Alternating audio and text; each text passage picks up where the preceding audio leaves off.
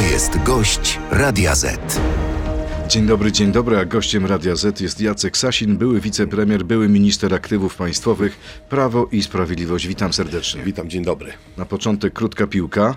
Czy Grzegorz Braun powinien stracić immunitet, tak czy nie? Znaczy, oczywiście, że powinien stracić immunitet, popełnił przestępstwo i to z tego, co się orientuje, to pewnie nie jeden. Znaczy na pewno obrazę uczuć religijnych, ale doszło chyba też do w sytuacji, kiedy jedna z osób, przynajmniej z tego co wiem, jedna z osób wylądowała w szpitalu po tym e, incydencie, więc na pewno tutaj prokuratura będzie miała co robić. Odpowiedź jest jasna. Tak, e, identyczne pytanie również do Państwa. Czy Sejm, czy Sejm powinien uchylić immunitet posłowi Grzegorzowi Braunowi, czy Grzegorz Braun powinien stracić immunitet? Aby zagłosować wystarczy wejść na stronę radioz.pl. Czy te kary nałożone przez prezydium Sejmu na pana Brauna są wystarczające?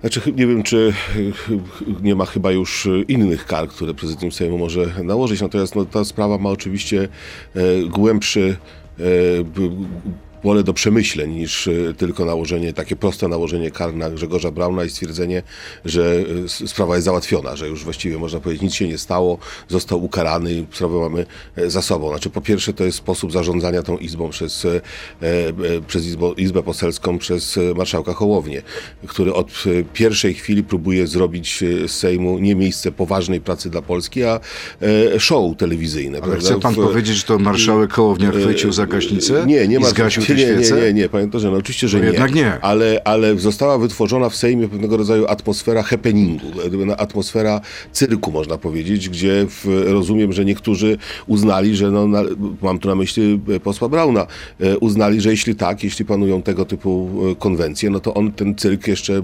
wzniesie na wyższy, na wyższy poziom. Chce pan powiedzieć, że za i- to, co zrobił to Braun, problem. odpowiada Hołownia?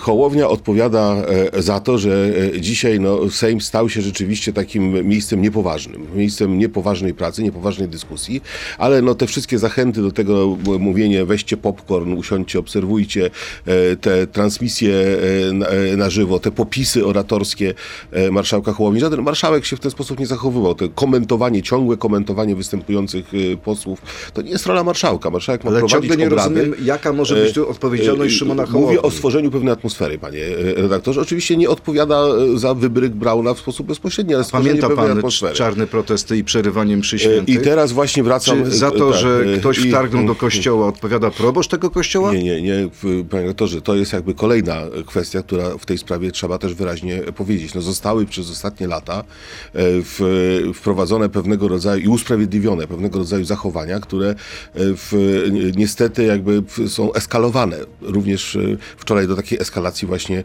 doszło. Przyzwolenie na przerywanie mszy świętych, na zakłócanie e, w, mm, uroczystości religijnych, ale uroczystości patriotycznych przez zwolenników e, ówczesnej opozycji, a dzisiaj rządzących, no, czyli przez chociażby KOT, któremu wczoraj e, Donald Tusk dziękował w czasie swojego.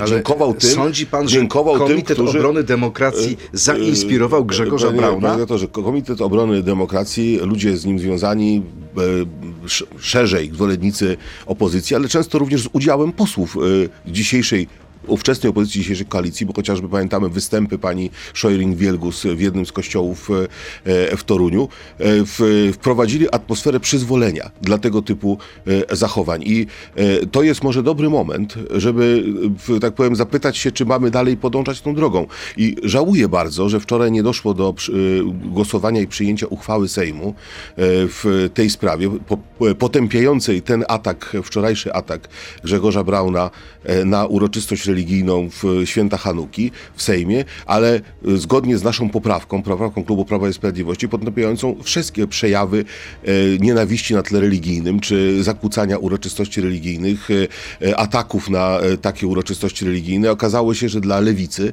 była ta poprawka nie do przyjęcia. Dla A tej może lewicy, która tak, właśnie zakłócała... Każdy której- pretekst dla was jest dobry, żeby uderzyć w marszałka Hołownię, który bije rekordy popularności. Bardzo, bardzo przepraszam, ale ja mówię o uchwale, która nie uderzała w nikogo. Znaczy jeśli uderzała w kogoś, to uderzała e, w Grzegorza Brauna bezpośrednio w, i, i m, sprzeciwiała się temu, co, co zrobił, ale jednocześnie chcieliśmy, żeby ta uchwała była uchwałą sprzeciwiającą się wszelkim aktom nienawiści na tle Okej. religijnym. E, Lewicy to nie pasowało. Panie Lewi, tej lewicy, której posłowie zakłócali msze święte. Panie premierze, panie ministrze, I to jest, e, pana oburzające. zdaniem to, co się stało wczoraj, to jest kwestia emocji, to jest happening, czy to jest coś głębszego? Mówię tutaj o motywacjach pana Brauna. Y, Ja nigdy nie twierdziłem, że y, poseł Brown, jak niektórzy twierdzą, y, ma jakieś problemy ze sobą, albo łatwo powiedzieć, że, że to są jakieś emocje.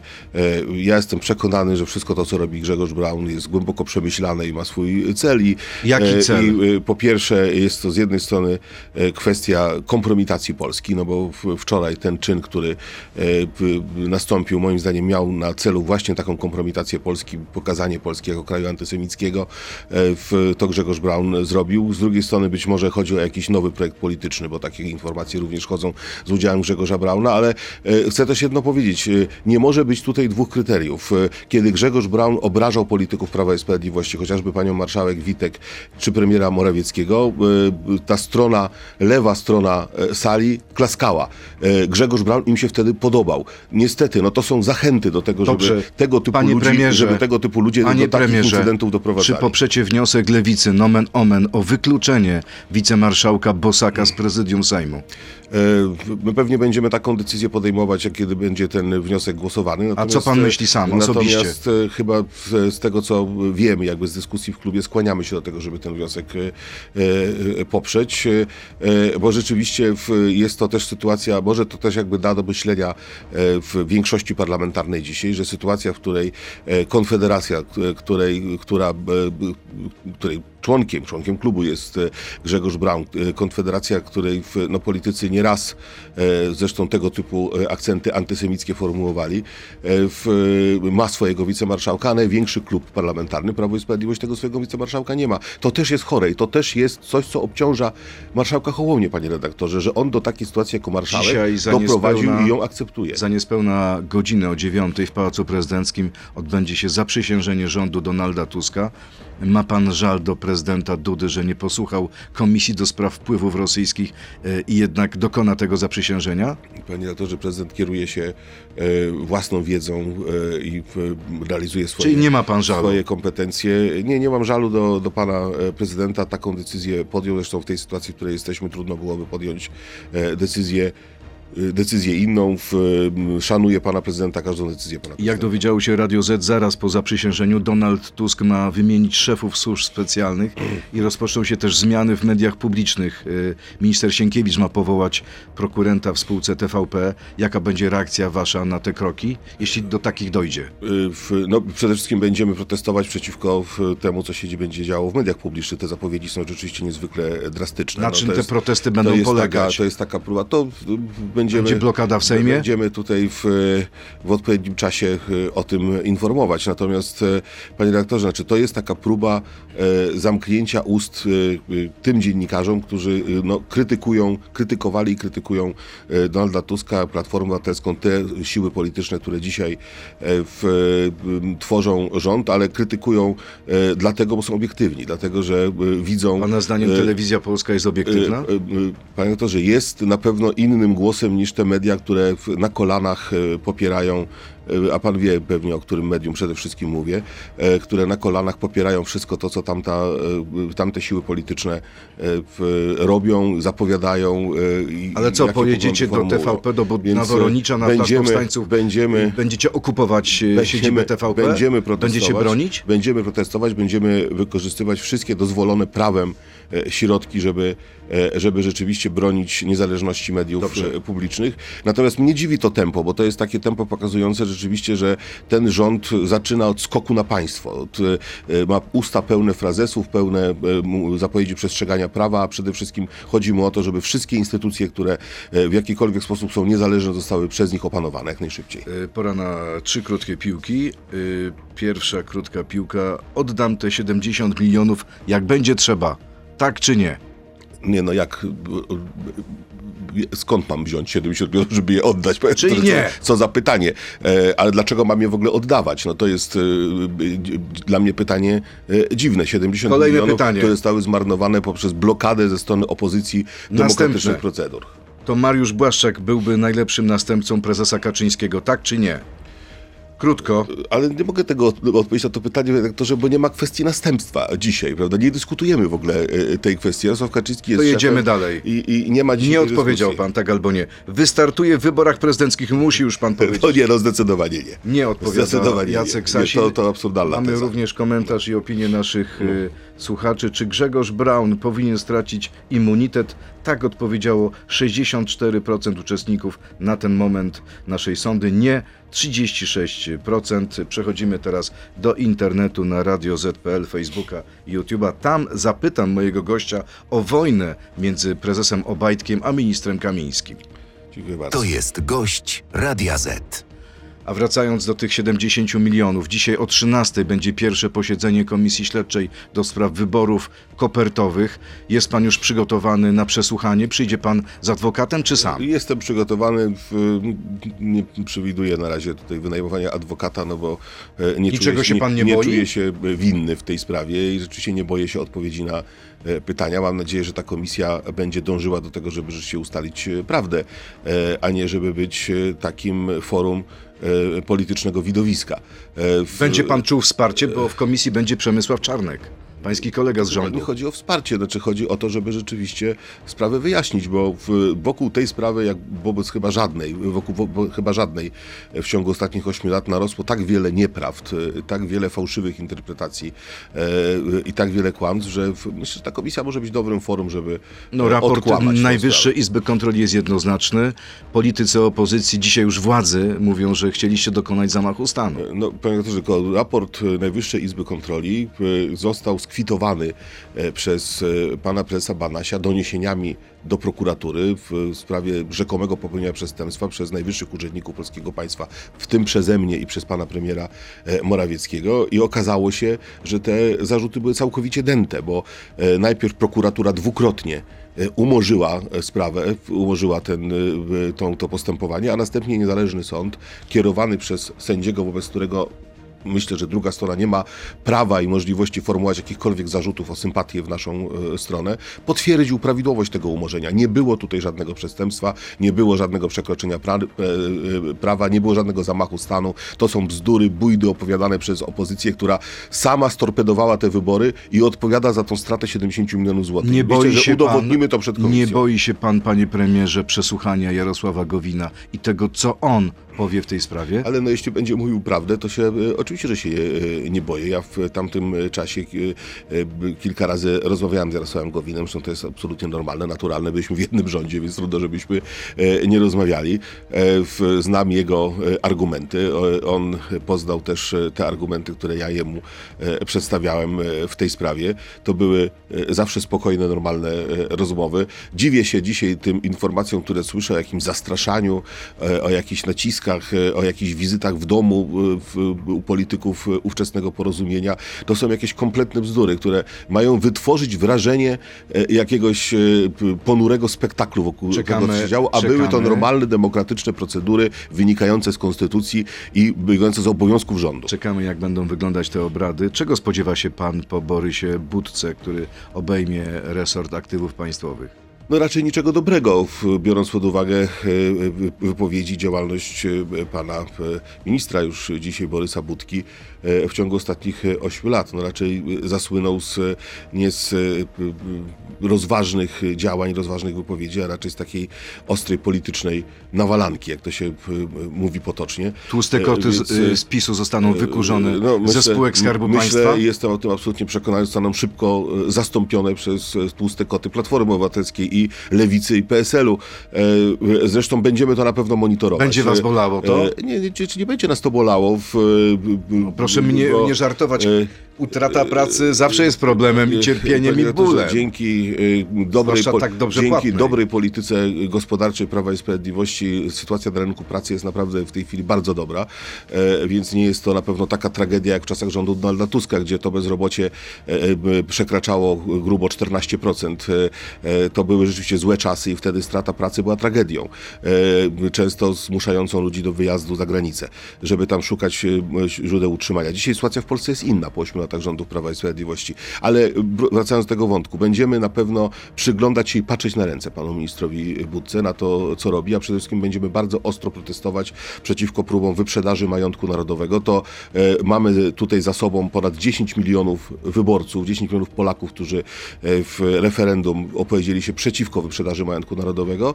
E, czujemy tutaj siłę, czujemy mandat społeczny i będziemy tej sprawy bardzo rzetelnie pilnować. Kiedy Jarosław Kaczyński pokaże dowody na to, że Donald Tusk jest niemieckim agentem? Ale panie doktorze, to nie jest kwestia dowodów, bo to nie jest kwestia... No, Ale przepraszam e, bardzo, e, gdyby jest, ktoś o e, panu powiedział, pan premier Sasin jest rosyjskim agentem, to chyba naturalne byłoby, że powiedział, proszę dowody na stół. Pan powiedział, tak? e, Nie powiedziałby pan tak? Szanowny panie redaktorze, y, proszę tak powiem, ja, ja nie traktuję tej wypowiedzi w tych kategoriach, jak pan to w tej chwili to w jakich kategoriach W kategoriach politycznych. W kategoriach politycznych co, w e, kategoriach politycznych można powiedzieć W wszystko? politycznych kategoriach można wyrażać swoje poglądy, nawet bardzo ostre, nawet takie, które kogoś bolą. W, wielokrotnie tego typu oskarżenia padały z, e, również z tamtej strony w stosunku do nas. Przypomnę chociażby wypowiedź Donalda Tuska, który nazwał nas, polityków pra, e, Prawa i Sprawiedliwości, e, seryjnymi mordercami kobiet. No, można zadać pytanie,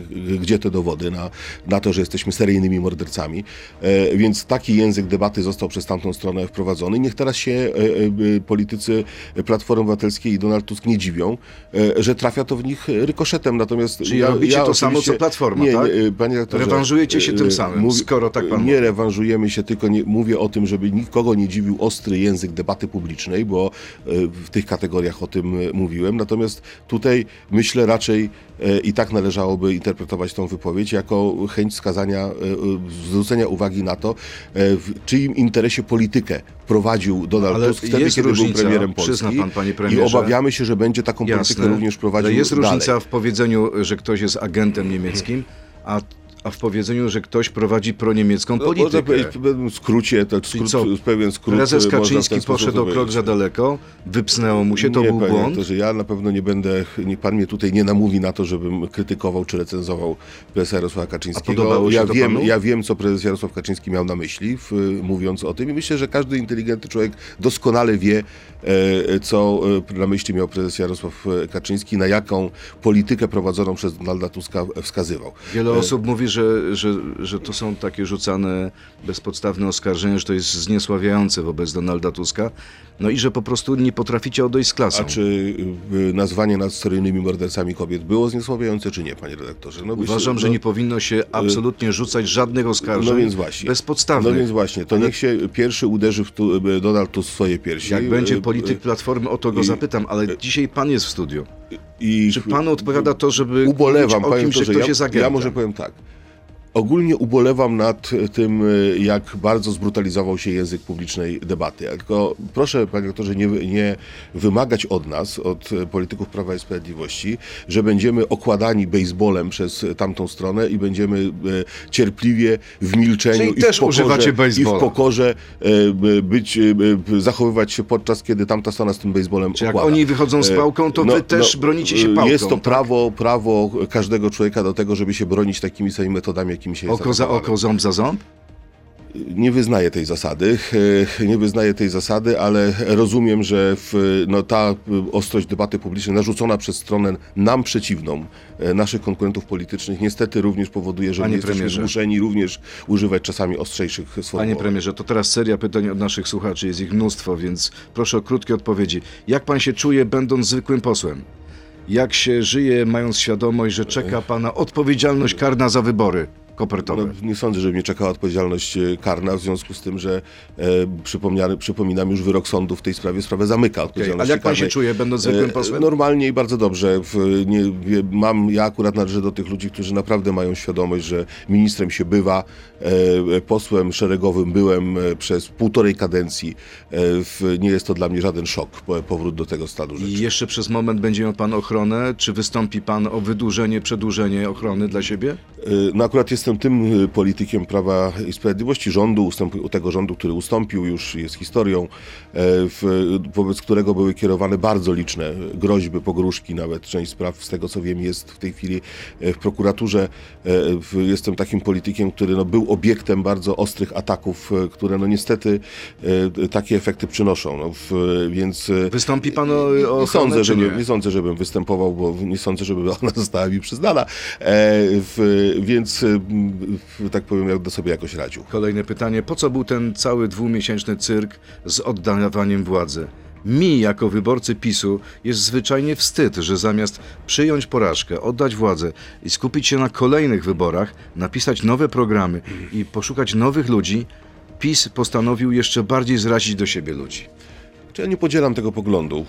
E, Szanuję go, ale, ale, ale go nie podzielam. E, W, moim zdaniem byliśmy zobowiązani do tego, żeby taką próbę podjąć. E, I, i, e, Prawo i Sprawiedliwość uzyskało najlepszy wynik w tych wyborach. E, Zawsze dotychczas w, w, w tradycji polskiego parlamentaryzmu po 1989 roku było to, że ta partia, która dostawała najwyższy e, wynik w wyborach, e, również podejmowała się stworzenia e, rządu.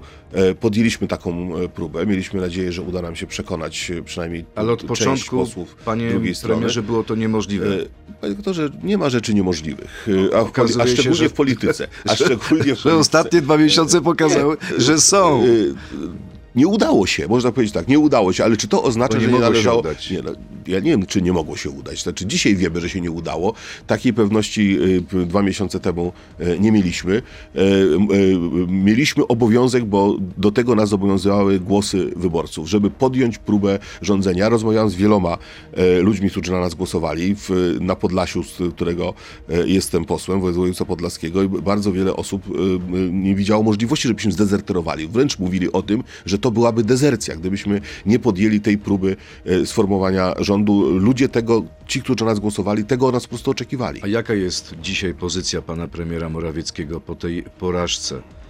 Czy jest politykiem przegranym? Nie, czy na pewno bym w ten sposób e, nie określał pana premiera Morawieckiego. Przede wszystkim za premierem Morawieckim stoją dokonania jego rządu. To są oczywiście dokonania, e, które są dokonaniami drużynowymi, grupowymi, e, ale twarzą ich jest pan premier Mateusz Morawiecki. Będzie zgodnie z zapowiedziami szefem zespołu pracy państwowej, czyli takiego naszego zespołu Prawa i Sprawiedliwości, który będzie przygotowywał program działania nowego rządu, który mam nadzieję będziemy formułować po następnych e, wyborach e, e, i w, e, będzie na pewno zachował pan premier wysoką pozycję w Prawie i Sprawiedliwości. Co Prawo i Sprawiedliwość zaproponowało Braunowi za odstawienie wczorajszej szopki?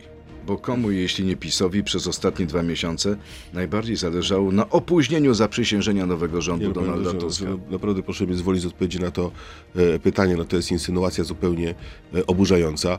E, pan poseł Brown jest tą osobą, która w sposób no, wściekły, można powiedzieć, atakowała e, w naszych polityków. E, Przypominam sobie na pierwszym posiedzeniu Sejmu jego wściekły atak na panią marszałek Witek, e, przyjmowany wówczas z aplauzem przez Platformę Obywatelską, jej sojuszników e, w Sejmie. No wtedy e, Grzegorz Braun był sojusznikiem e, dzisiejszej większości parlamentarnej i zawsze, kiedy atakował Prawo i Sprawiedliwość, a najczęściej właśnie to robił, był sojusznikiem, był, był oklaskiwany przez tamtą stronę. Więc jeśli komuś, jeśli ktoś ma jakiś wpływ na Grzegorza Brauna, no to chyba ci, którzy go oklaskiwali, a nie my. Kolejne pytanie. Jak panu się siedzi obok Sławomira Mencena?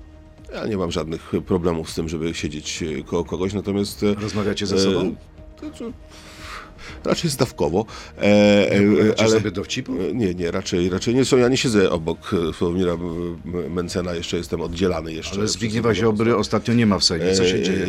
No tak, ale inny poseł akurat usiadł w czasie ostatniego Czyli pan prosi innego posła, żeby nikogo, usiadł między panie Nikogo nie prosiłem. nikogo, nie, nie, nikogo nie prosiłem. A, czyli tak przypadkowo sobie usiadł poseł Kowalski. No tak, no ale to raczej chyba było jakieś uzgodnienie wewnątrz suwerennej Polski właśnie ze względu na nieobecność Co się dzieje z pana panem ministra. ministrem Ziobrą?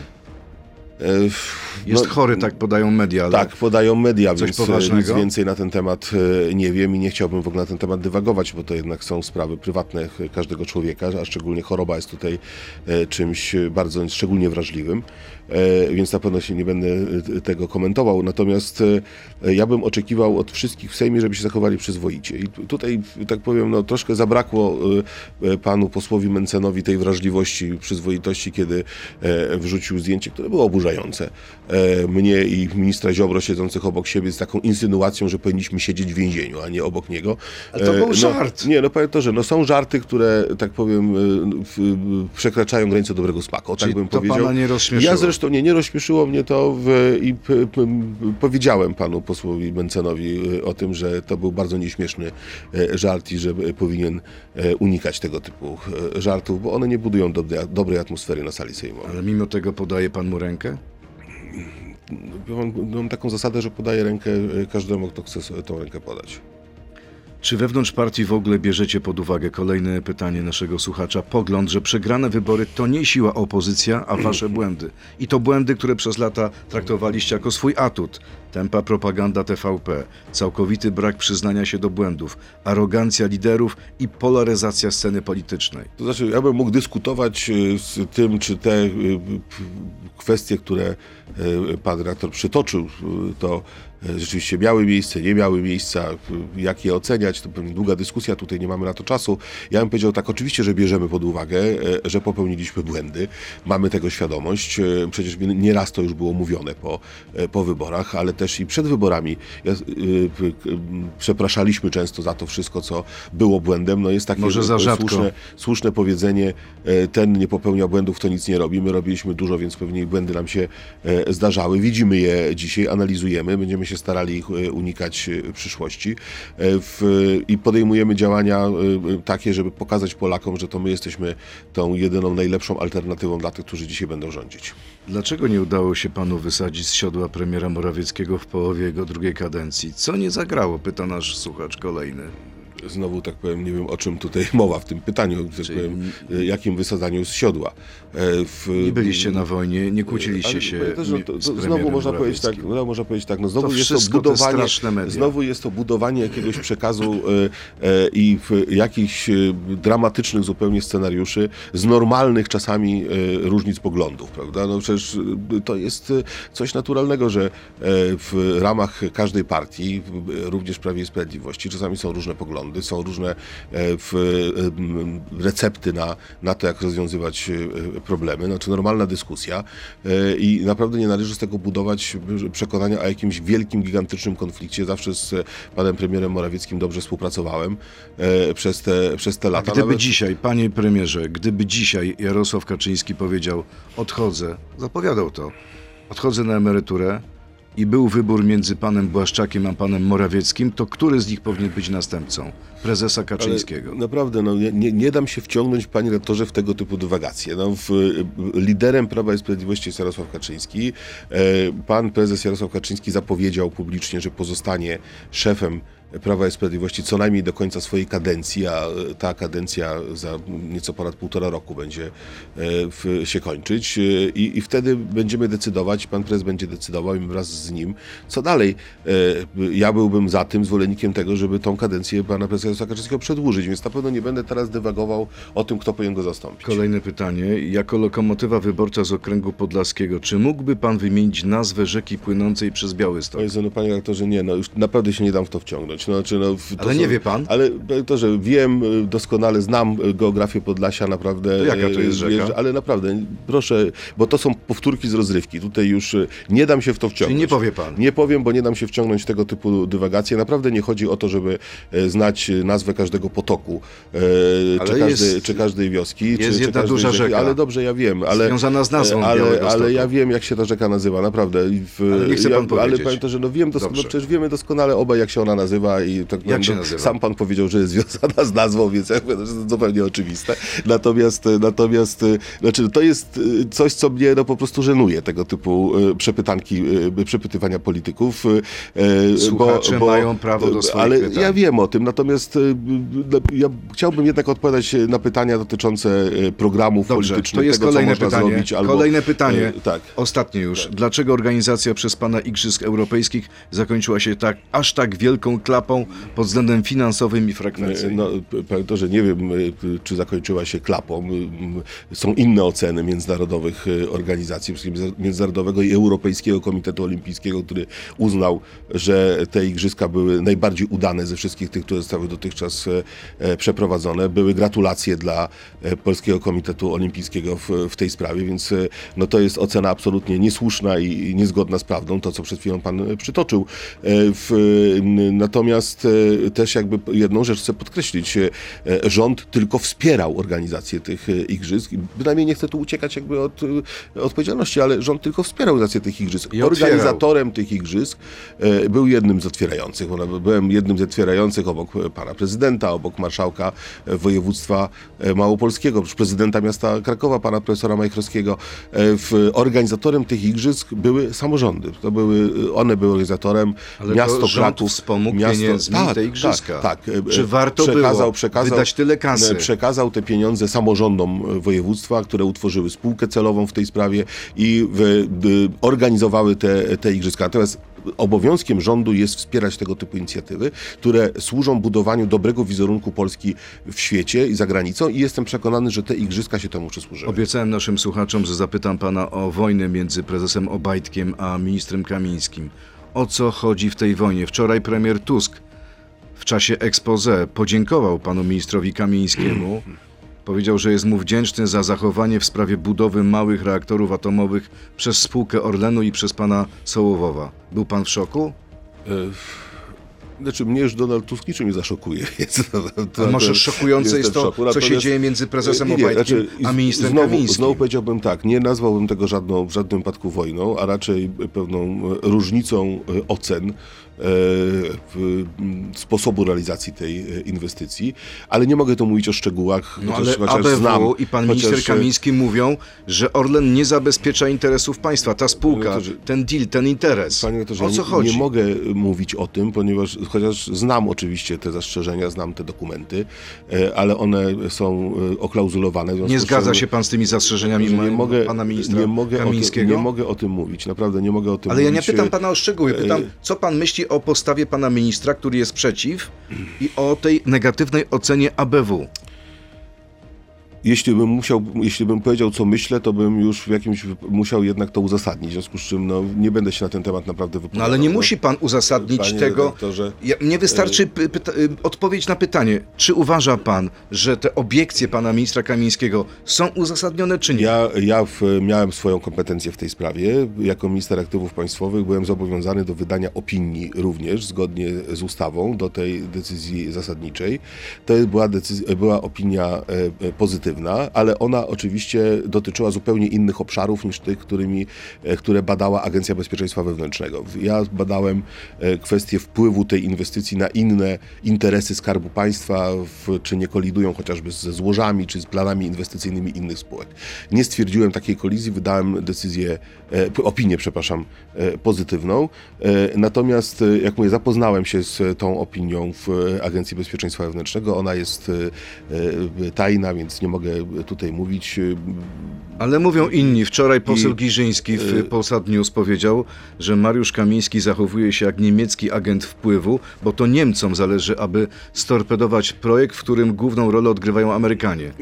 Znaczy to jest oczywiście opinia bzdurna, bym powiedział, no, że naprawdę mówienie o Mariuszu Kamińskim w ten sposób jest absolutnie nieuzasadnione e, i, i oburzające wręcz. Natomiast e, e, na pewno co do tego nie ma wątpliwości. I tutaj, że rozwój energetyki jądrowej w Polsce leży w polskim interesie. Czyli budowa tych małych reaktorów też. Też leży w polskim interesie, budowa małych reaktorów jądrowych i nie o to chodzi, żeby nie było tego typu inwestycji, tak to rozumiem. E, Chociaż mówię, już zaczynam dywagować, nie powinienem tego robić, ale e, chodzi o zastrzeżenia co do pewnych e, sposobów, modeli biznesowych, o tak bym powiedział, w tym zakresie i, i tyle mogę na ten temat Czyli powiedzieć. Mariusz Kamiński nie widzi tego interesu, który pan widzi? Panie doktorze, wszyscy Polski? widzimy, Mariusz Kamiński również widzi interes, bo z nim na ten temat rozmawiałem, w rozwoju energetyki jądrowej w Polsce. W, natomiast podległe mu służby no, wydały taką ocenę, jaką wydały w oparciu o, o materiał, w którym dysponowały. Ja się nie będę do tego w tej chwili odnosił, bo jak mówię, są to e, kwestie dotyczące bezpieczeństwa państwa, a tym samym nie nadające się do tego, żeby publicznie No dobrze, e, ale to e, ostatnie o pytanie. nich rozmawiać, a już na pewno nie należy Czyli ta decyzja pani minister klimatu, która zezwalała na dalszą pracę nad tym projektem, jest okej, pana zdaniem. Znaczy, no jest decyzja, minister klimatu ma swoje kompetencje. się z tym zgadza, czy nie? tej- No panie redaktorze, no ale co mam się zgadać lub nie? No jest e, No decyzja. pan Ja myśli? nie znam całokształtu dokumentacji, na której e, pani minister Trzeciakowska opierała swoją e, decyzję. Nie znam opinii e, prawnych, bo wiem, że był spór co do tego, czy opinia e, ABW jest wiążąca dla ministra klimatu, czy nie jest e, wiążąca. No w, e, tutaj były pewne różnice poglądów. Pani minister Trzeciakowska w, zdecydowała jakby w tej, w tej sprawie. Słusznie czy Jest niesłusznie? ministrem, była ministrem, miała Słusznie kompetencje, miała kompetencje, żeby to zrobić, a ja nie jestem od tego, żeby oceniać decyzje innych ministrów. Bardzo dziękuję. Bardzo, tajemniczy dzisiaj Jacek Sasin. Nie, znaczy to chyba tylko Były w te, tej jednej sprawie. były tylko, wicepremier, były minister aktywów państwowych. Bardzo panu dziękuję Bardzo i dziękuję miłego również, dnia. również nawzajem. To był gość Radia Z. Słuchaj nas w Radio Z i na player radioz.pl.